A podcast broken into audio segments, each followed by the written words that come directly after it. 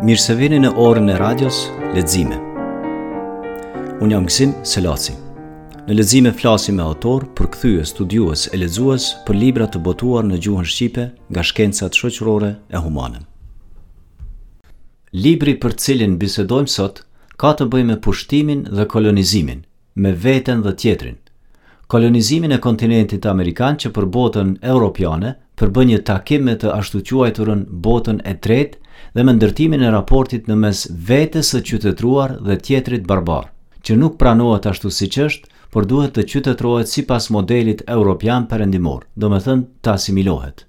Libri Konkuista e Amerikës, çështja e tjetrit, i historianit, filozofit, sociologut dhe kritikut letrar Cvetan Todorov, analizon veprimet e pushtuesve spanjollë ndaj popullatës vendëse të Amerikës së shekullit pesëmbëdhjetë, siç ishte përshkruar nga eksploruesi Kristofer Kolombi.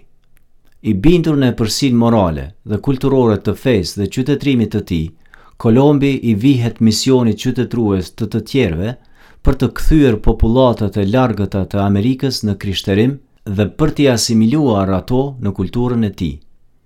Mirëpo, për të përmbushur këtë mision, u deshën të kryhen shumë mizori kundër në thonjëza pabesimtarëve dhe barbarëve, skllavërim, shkatërrim me sëmundje deri në një gjenocid të paparë që nuk kursente as foshnjat.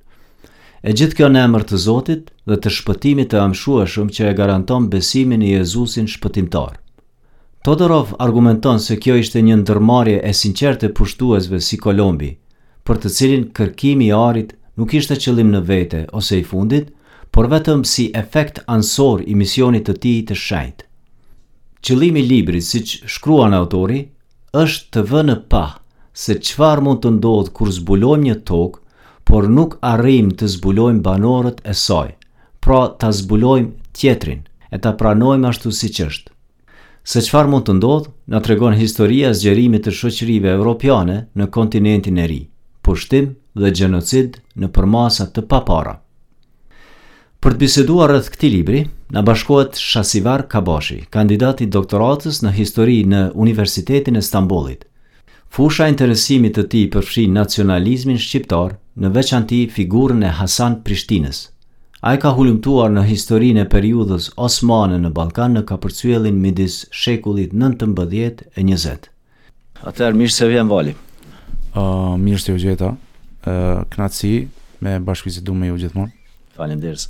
Ë uh, a mund të fillojmë për librin për cilin po flasim sot autori Cvetan Todorov, një prezantim shumë t'përmbledhun të autorit edhe studimeve të tij. Po. Uh, Cvetan Todorov është një historian, sociolog, filozof, pra fusha e tij është shumë e gjerë, po njihet edhe për studimet e tij në semiotikë. Pra, uh, është një nga uh, profesorët i cili domethënë vjen nga Ballkani, vjen nga Bullgaria, ka lindur në vitin 1939 në Sofje, pra në kryeqytetin e Bullgarisë, Dhe ka lind në një familje faktikisht intelektuale se edhe babai i tij ka qenë linguist i, i, i njohur, pra Todor Borov më duket. Uh, pastaj emigron në Francë dhe atje fillon pra studimet uh, më të gjera, ku edhe në vitet 60 më duket bëhet edhe drejtor i Institutit për Kërkime Shkencore, domethënë uh, në në Paris, një një uh, nivel goxha i themi kështu, uh, i intelektualit dhe studimet kryesisht i ka, siç thash, pra më shumë në semiotikë. Mirpo, ë unë më shumë e njoh si historian, ë kontaktet e mia normal kanë qenë me me historinë me të. ë përveç këtij libri, domethënë që ë e trajton çështjen e tjetrit, kemi edhe një libër tjetër të përmbledhur të tij, pra ne dhe të tjerët, është më i zgjeruar se sa ky, për shkak se ky më shumë tematikë ka edhe çështjet historike të themi. Kurse botimet e tij më të mdhaja diku shkojnë në 39 libra të botuara. Libri i tij për cilin flasim sot, Konkuista e Amerikës, çështja e tjetrit, konkuista apo Zbulimi i Amerikës, cila është pyetja kryesore që e ngre autori, a është konkuista, pushtimi apo zbulimi i Amerikës? Po, domethënë çështja kryesore që ngre si pyetje Todorov në këtë libër është çështja kryesore është ajo që vetë shpërfaqet në titull në këtë fakt konkuista, për shkak se Todorovi mendon që historianët modernë dhe ajo ngarkesa psikike që ndoshta e kanë shumë studiues që tashmë pas revolucionit francez duhet gjithmonë të prosperojmë për një një botë uh, progresiste, gjithmonë e lënë anash ndoshta një nga çështjet kryesore për atë të kësaj ngjarje, që është faktikisht pushtimi i një kontinenti.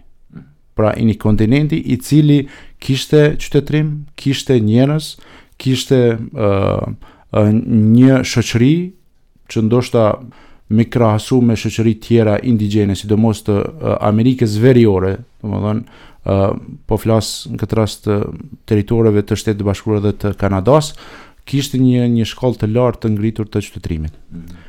Prandaj edhe në këtë në këtë kontekst Todorovi ndalet më shumë në ato që ne duhet ta njohim realitetin, duhet të fokusohemi më shumë në atë pjesën që evropianët në këtë rast spanjollët të udhëhequr nga nga nga Kolombo, ë mësyjnë një territor, pra ë jo të ftuar mirëpo si pushtues.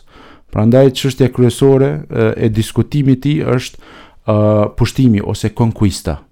Megjithëse ne në gjuhën shqipe kemi pak probleme me terminologjinë e pushtimit dhe domethënë terminologjinë që lidhet pikërisht me këtë me këtë temë, ndoshta edhe ne më mirë e kemi zgjedhë, domethënë të ose përkthyesi ë uh, ndoshta ka bërë një punë shumë të mirë teksa e ka quajtur si konkuista. ë uh, uh, në kët në kët pikë uh, pra si nëntitull ai ka zgjedhë çështjen e tjetrit. Mirëpo çështja e tjetrit ë uh, është si dytësore në fakt në kët në kët uh, në kët uh, e libër, për shkak se te çështja e tjetrit është më shumë marrëdhënia mes mes pushtuesit dhe të pushtuarit ose kolonizatorit dhe kolonizuesit. Kurse ajo ndoshta çfarë ka desh të thotë Todorovi është se pikërisht këtu nuk kemi një zbulim, ndoshta, ndoshta kemi një zbulim, se faktikisht është një botë e re që do të fillonte, mirëpo ajo që ne duhet të ndalemi është pikërisht të menduarit se ajo ishte një Një konkuistë ishte një një një pushtim. Mhm. Cili ishte qëllimi? Mund të ketë arsye të ndryshme politike, kulturore kështu për pushtimin ose konkuistën, po cili ishte qëllimi ose motivi i vetë Kolombit? Ishte qëllim materialist apo idealist fetar? Ëh, uh, edhe këtu është një një tentativë uh, e Todorovit që të ndalet tek esenca e zbulimit të Amerikës. Pra, si motiv kryesor të Kolombos në zbulimin ose në pushtimin e Amerikës është motivi ose qëllimi fetar. Për shkak se nëse kthehemi pak në histori përpara ë pushtimit, pra përpara vitit 1492, e kemi një Spanjë e cila tashmë ishte ë bashkuar, i kishte bashkuar dy me quajt principatat ose dy mbretëritë e saj, pra Aragonën dhe Kastilën, dhe tashmë ishte krijuar një mbretëri spanjolle e cila kishte vetëm një problem pra në jugun e saj në në krahinën tashmë të njohur të Andaluzisë në ripushtimin, sipas tyre, ose pushtimin të atyre territore dhe bashkimin me Mbretërinë e Re të Spanjës. Në këtë në këtë pikë, pra, ishte një përplasje fetare në vetë Spanjë, ku një sundim shumë i madh që daton që nga viti 1000 nga viti 711 pra kur edhe pushtohet nga nga muslimanët në Spanjë në këto vite pra kemi një përplasje fetare Dhe kemi një dëbim përfundimtar të muslimanëve nga kjo nga kjo pjesë. Kështu që problemet fetare dhe ai ambienti ishte komplet fetar. Dhe në këtë pikë pas marrjes pra të Granadës në i njëjti vit, pra është i njëjti vit me zbulimin, përkon me zbulimin e e Amerikës 1492 kur definitivisht bie ose dorëzohet Granada, e kemi një ndoshta një fillim të ri për spanjollët të cilët tashmë kishin mposhtur një civilizim i cili ishte i gjatë diku 8 shekuj dhe kishin krijuar një lloj ndjenje superioriteti ndoshta tashmë Dhe me atë ndjenjë tashmë ata ë jo vetëm ato territore që i konsideronin të tyre, mirëpo dëshironin që ta zgjatnin edhe edhe përtej. Prandaj në shkrimet e, e Kolombos që ndalet Todorovi, aty thekson faktin që në të gjitha dokumentet që janë origjinale të të Kolombos, aty vërehet një një ndjenjë e, e theksuar fetare e, e Kolombos. Pra, uh, ideja e tij në fakt ishte që të zbulonte Indinë, se uh, në fakt ai nuk uh, kishte po. vdekur duke menduar që, që kishte zbuluar Indinë, të forconte në këtë rast mbretërinë për të cilën punonte, se me origjinë nuk ishte spanjoll, Pra, mirëpo, ishte normale për, për uh, epokën që të punonin pra për mbretëritë e tyre dhe në këtë rast me forcimin e mbretërisë spanjolle në këtë rast do ta forconte edhe krishterimin ose katolicizmin që faktikisht ishte dominant në, në Spanjë. Prandaj, ajo kryesorja uh, ose qëllimi kryesor që dëshiron ta thekson uh, Todorovi është pikërisht kjo ndjenjë e theksuar fetare e, e Kolombos.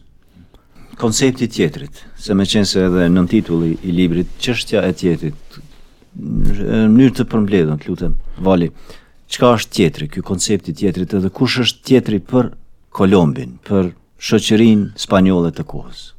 Po, pra, siç e dimë, pra, tjetri është një problematikë edhe, edhe filozofike, Në në këtë rast na paraqitet me një realitet shoqëror historik dhe të cilën mundohet Todorovi pra përmes Kolombos, përmes njohjes së dy kontinenteve, në këtë rast pra një kontinent i cili nuk ishte i njohur për botën, për botën tjetër, pra flas për Afrikën, Evropën dhe Azinë. Tashmë kishte rënë në kontakt dhe disa nga ta quajmë kështu, anëtarët e civilizimit perëndimor si ne i njohim, kishin rënë në kontakt me një tjetrin të panjohur, për herë të parë. Uh, në këtë në këtë pikë Kolombi, uh, domethënë në kontaktin e parë me me me vendasit, ai uh, momentit që i sheh që ata nuk kanë besim sikur të tij, në këtë rast nuk janë të krishterë, për ta ishin pabesimtarë, për ta ishin, domethënë, njerëz të pacivilizuar, njerëz madje edhe joracionalë. Për Kolombin njeriu racional ishte si vetja e tij. Në këtë rast është një shpërfaqe edhe e supremacisë, ndoshta ta quaj evropiane ose perëndimore, kundrejt tjetrit që nuk është Nuk është si ai. Pra, ajo çfarë dëshiron Todorovi të nxjerrë nga kjo, është ndoshta që shumica e historianëve kanë ikur duke u mundu të gjejnë burime tjera, burime shtesë, mirëpo me ato burime që i ka Todorovi ndalet tek dorëshkrimet e Kolombos. Pra, ne nuk mund ta njohim vendasin në këtë rast, për shkak se nuk kemi materiale të shkruara nga ta, por i njohim vendasit përmes mendimeve të Kolombos. Mm -hmm. Pra, uh, ma ajo çfarë thotë në një, një pjesë edhe Todorovi, pra ne kemi shumë uh, të tjerë brenda vetes tonë, mhm. po është edhe tjetri që është tek të tjerët. Prandaj, përmes të tjerëve që janë brenda vetes tonë, në këtë rast Kolombo i përshkruan pra tjetrin, ose e gjen tjetrin te vetja e tij. Pra, në këtë pikë, vendasit për Kolombon ose për Kolombin ishin njerëz që nuk duhej të dialogohej ose nuk mundohej këtu këtu këtu Todorovi intervenon ku thotë që Kolombi nuk e bëri asnjë tentativë për me mësu gjuhën vendase. Mm -hmm. Për shkak se sipas tij ata duhet ta mësonin gjuhën e tij, sepse ata nuk dinë. Madje sipas tij ata nuk dinë as të flasin. Në disa shkrime shkruan që ata nuk dinë të flasin. Mm -hmm. në fakt tregon shumë. Madje Todorovi bën një krahasim edhe me me me sllavët, për shkak se sllavët siç e dim janë në kufi etnik me gjermanët dhe kontakti i sllavëve me gjermanët, pra nga sllavët janë pa një popull i cili nuk di të flasë dhe kështu janë qu nemec. Pra edhe sot populli pra quhet Njemac, s'e nuk jam mirë me me gjuhën po, po. me gjuhën sllave dhe kurse Njemaçka është pra vendi tyre apo pra ata që nuk nuk dinë të flasin pse se ata nuk dinë të flasin sllavisht pra nuk dinë të flasin gjuhën tonë pra gjuhën ata që, që nuk nuk janë si ne janë të tjerë janë të huaj mm. dhe në kët në kët në kët pikë Kolombi pra nuk dialogon me tjerët thjesht është një monolog Pra, një një urdhër që tregon edhe supremacinë tashmë që kanë mbi popujt që ata faktikisht do t'i kolonizojnë në të ardhmen. Pra tjetri është edhe një faktikisht për këndvështrimin nga personi që e konstrukton tjetrin, tjetri është në një farë mënyre i degradum, dehumanizum, si me thonë. Dhe na e njohim që tjetrin, qytetrimin, kulturën, popullatën indigjene të kohës, jo drejtpërsëdrejti, por të ndërmjetësum nga ajo çfarë dimë që Kolombi ka shkru dhe ka thonë për ata. Qytetrimi i flijimeve dhe qytetrimi gjenocidal. A mundesh dy tri fjalë me i thon për këta përpara se me ta shtru një pyetje në lidhje me këtë? Po, ë uh, ajo se çfarë ë uh, mundohet ta përmbledh ndoshta uh, Todorovi është që bën një krahasim mes uh, dy qytetrimeve, pra në fakt edhe nga gërmimet arkeologjike që ka ndodhur në pjesë të, të ndryshme të hemisferës, domethënë të Amerikës qendrore dhe ato jugore, e shohim që kemi të bëjmë me një civilizim i cili ë normal që ishte ndryshe nga civilizimet tjera, flas nga bota tjetër që deri n'këtë kohë për neve, ishte e njohur. ë ishte një civilizim në një shkallë të ngritur ë dhe ë i fokusuar në një spiritualitet të madh. Në këtë rast ë Todorovi e përmbledh në një civilizim të flijimeve, pra një civilizim i cili e e flijon ë të vetin ose brenda llojit, jo tjetrin. ë kurse ë civilizimi gjenocidal ai ë me një farë mënyrë përshkruan civilizimin perëndimor, dhe nuk atakon vetëm Spanjën këtë rast, mirë po atakon edhe shtetet tjera, madje normal siç e dimë ne italianët dhe gjermanët i le në fund, me një fokus tek anglezët dhe te francezët, të cilët në të njëjtën mënyrë, jo ndoshta në këtë shkallë kaq të madhe, gjenocidale, siç siç e përshkruan Todorovi, uh, mirë po në një mënyrë domethënë komplet civilizimin perëndimor e quan si të denjë, të denjë për gjenocid, pra të denjë për, pra, për shkak të kapacitetit ndoshta të denjë për një, për një shkaktim gjenocidit. Prandaj, uh, në këto dy, dy terma, uh, puqen këto dyja. Pra dyjat faktikisht në qendër e kanë eliminimin e njeriut. Pra njëra e ka eliminimin e e të njëjtit brenda llojit, kurse tjetra e ka të huajin ose tjetrin që është te tjerët, jo te te vetja e A ekziston rrezik ose a ka potencial për ndërmarrje gjenocidale? Apo është mësu diçka nga historia gjenocidale e qytetërimit perëndimor? Ë në këtë libër Todorovi është optimist. Ë duke i marrë rrethanat moderne tashmë, i sheh popujt tjerë që në fakt e kanë zonë hapin teknologjik ndoshta me perëndimin. Pra nuk janë sikurse në shekullin e gjashtëmbëdhjetë, shtatëmbëdhjetë ose tetëmbëdhjetë me revolucionin industrial ku e di, domethënë ku ë uh, Evropa ose civilizimi perëndimor tashmë ishte një shkallë shumë të lartë se sa popujt e tjerë. Dhe në këtë në këtë pikë ë uh, Todorovi është optimist për shkak se thotë që tashmë nuk e kemi ndoshta një sklavri, fillon t'i eliminon ato çka nuk janë më sot, Dhe fillon duke akuzu me njëfarë mënyre edhe vetë Spanjën dhe duke e pa realitetin spanjoll se a është i denjë në këtë, në këtë, në këtë epokë pra Franca si fuqi politike shtetërore për një gjenocid tillë dhe perëndimi në përgjithësi a ka marrë ndoshta një një një si ta quajmë një mësim nga nga këto nga këto rrethana historike të dikurshme Dhe a mund të përsëritet një gjë e tillë? Për shkak se ky libër është botuar shumë pak nga uh, koha kur në Evropë i vjen fundi nazizmit dhe fashizmit, uh, pikërisht me këto me këto dy ideologji, që njëra është uh, faktikisht e kemi edhe edhe që i ndihmon këtë pikë edhe një uh, studius italian që për momentin nuk uh, po më kujtohet emri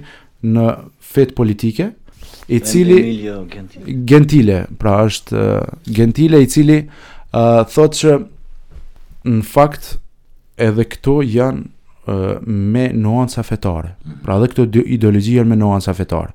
Pra atë shka e thekson edhe Todorovi, që thotë që në tendenca e sotme për një uh, shoqëri totalitare, uh, ndoshta vjen nga kjo simbiozë e këtyre dy civilizimeve që i përmenda më herët. Pra, nga civilizimi i flejimeve, pra eliminimi kur sot i shohim që shtetet totalitare faktikisht i eliminojnë edhe edhe ose në ato që njihet si revolucioni i i përbin edhe bijtë e e vet.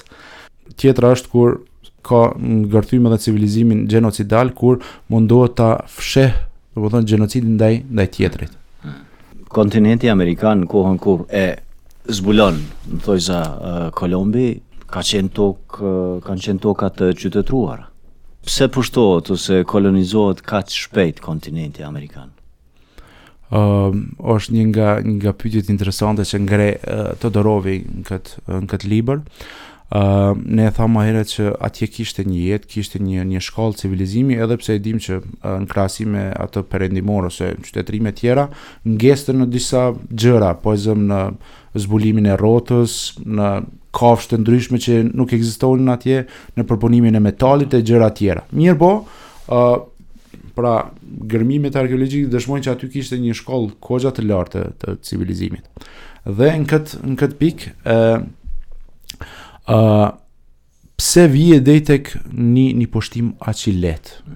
Pse gjithë ai territor, pra është jemi tu fol për një kontinent, për dy kontinente në fakt tashmë, ë si i nënshtrohet një shteti i cili po ta shohim në në kët zoomin ma të madh ta quajmë kështu botnor, nuk ishte një shtet i fuqishëm se këtu e kemi ngritje për shembull të një superfuqie siç janë osmanët në në botë pra një shtet i cili tashmë ishte kriju perandori Uh, dhe si, si mund të pra një, një, një Spanjë që vetëm gjeografia natyrore e kishte kriju si, si se është rrethuar komplet me, me, me ujë, veç një pjesë në një, një, po. një male, uh, kishte kriju një shtet dhe si mund të një, një shtet i tillë të, të, të pushtojë. Mirëpo, uh, Todorovi mundohet të gjejë arsyet tu.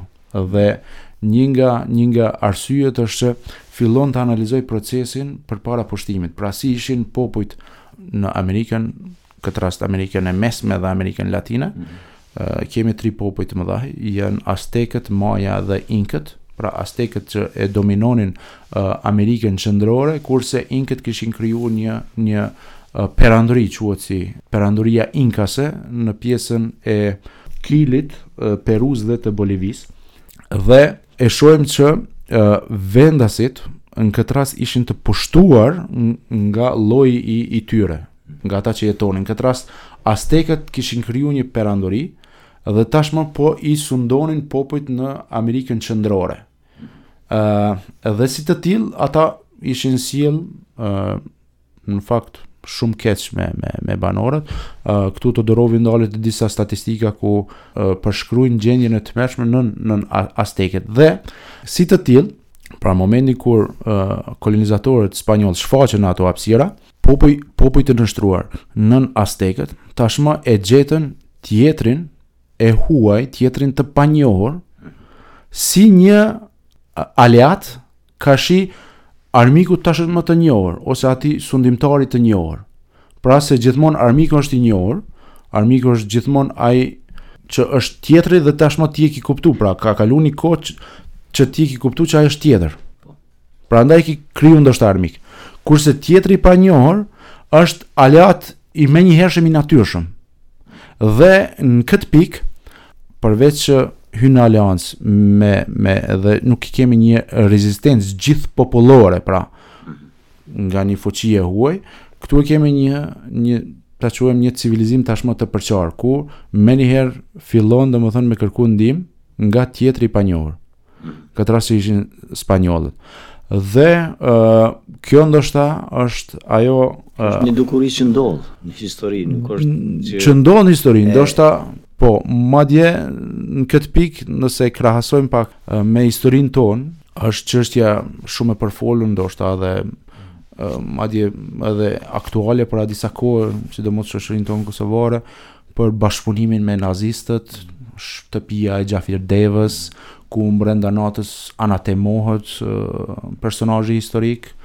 ë ndoshta ë ne duhet ta shohim nga ky prizëm që në atë kohë, në ato rrethana kur ne jetonim nën sundimin e mbretërisë serbo-kroato-sllovene, me një ndalim të identitetit, domethënë në gjitha fushat ndoshta të jetës. me padrejtësi domethënë që iu bënte shoqërisë tonë, ne për një moment, pra gjatë luftës dy botërore, e gjejmë tjetrin të panjohur, i cili faktisht është aleati joni i natyrshëm. Prandaj, nuk është problem bashkëpunimi, se shoqëria jonë asaj kohë nuk e njifte uh, nazizmin. Nuk nuk ishte në gjendje që ta diskutonte domethënë ideologjikisht se kush janë nazistët. Thjesht uh, te nazistët ose në këtë rast te gjermanët ose te fashistët, te italianët u pa tjetri i huaj, i panjohur që shpëton nga Armiku i njohur që është në mesin tonë.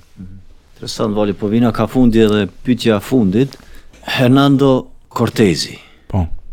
Ky kishte një admirim për kulturën dhe qytetrimin indigjen, vendës. Uh, po, Hernando Cortezi është...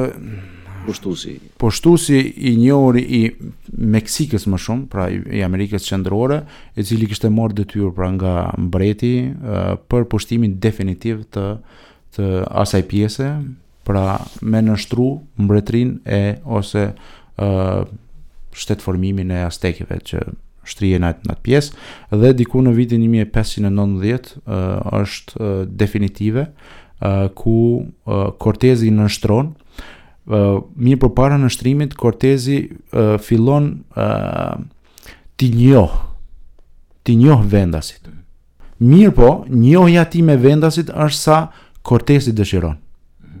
Pra nuk është një lloj, uh, Kortezi është i vetëdijshëm për civilizimin e tij superior, Edhe në aspektin fetar, pra, ai e sheh veten superior për shkak se ne besojmë te një krijues e gjëra tjera dhe në aspektin e organizimit të civilizimit ai nuk e ndan asnjëherë domethënë mendjen që Vjen nga një civilizim i nënshtruar, po jo, ai e sheh veten gjithmonë si superior.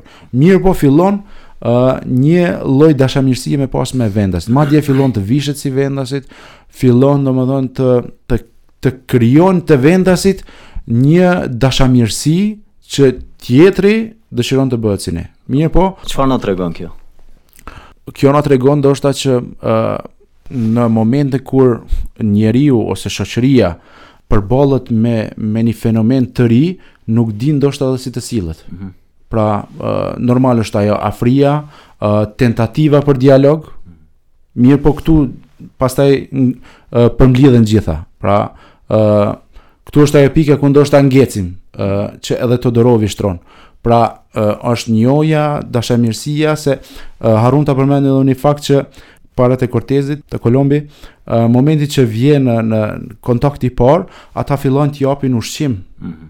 Për shkak se te ta nuk ekzistonte, sidomos në pjesët e ishujve nuk ekzistonte koncepti pronës private. Madje madje ata arrijnë e shkëmbejnë me një porcelan që ju jep Kolombi. Dhe këtu ai në fjalimet e tij nënçmon, domethënë ju nuk jeni dej, nuk jeni me një farë mënyrë, domethënë nuk dini çka si funksionon sot bota. Shasivar Kabashi, faleminderit po. shumë që na u bashkove në lexime. Prof ishte një knaqsi vërtet e madhe dhe çdo herë është knaqsi për mua me bashkëbisedu në këto tema me me ju. Faleminderit shumë. Ora e radios Lexime është një podcast që realizohet në bashkëpunim me Sbunker dhe Kuvendin e Sociologjisë. Këtë podcast mund ta dëgjoni në sbunker pikë net dhe në YouTube, si dhe mund ta ndiqni në iTunes, Spotify dhe Google Podcasts. Për sugjerime na shkruani në lexime at sbunker pikë net.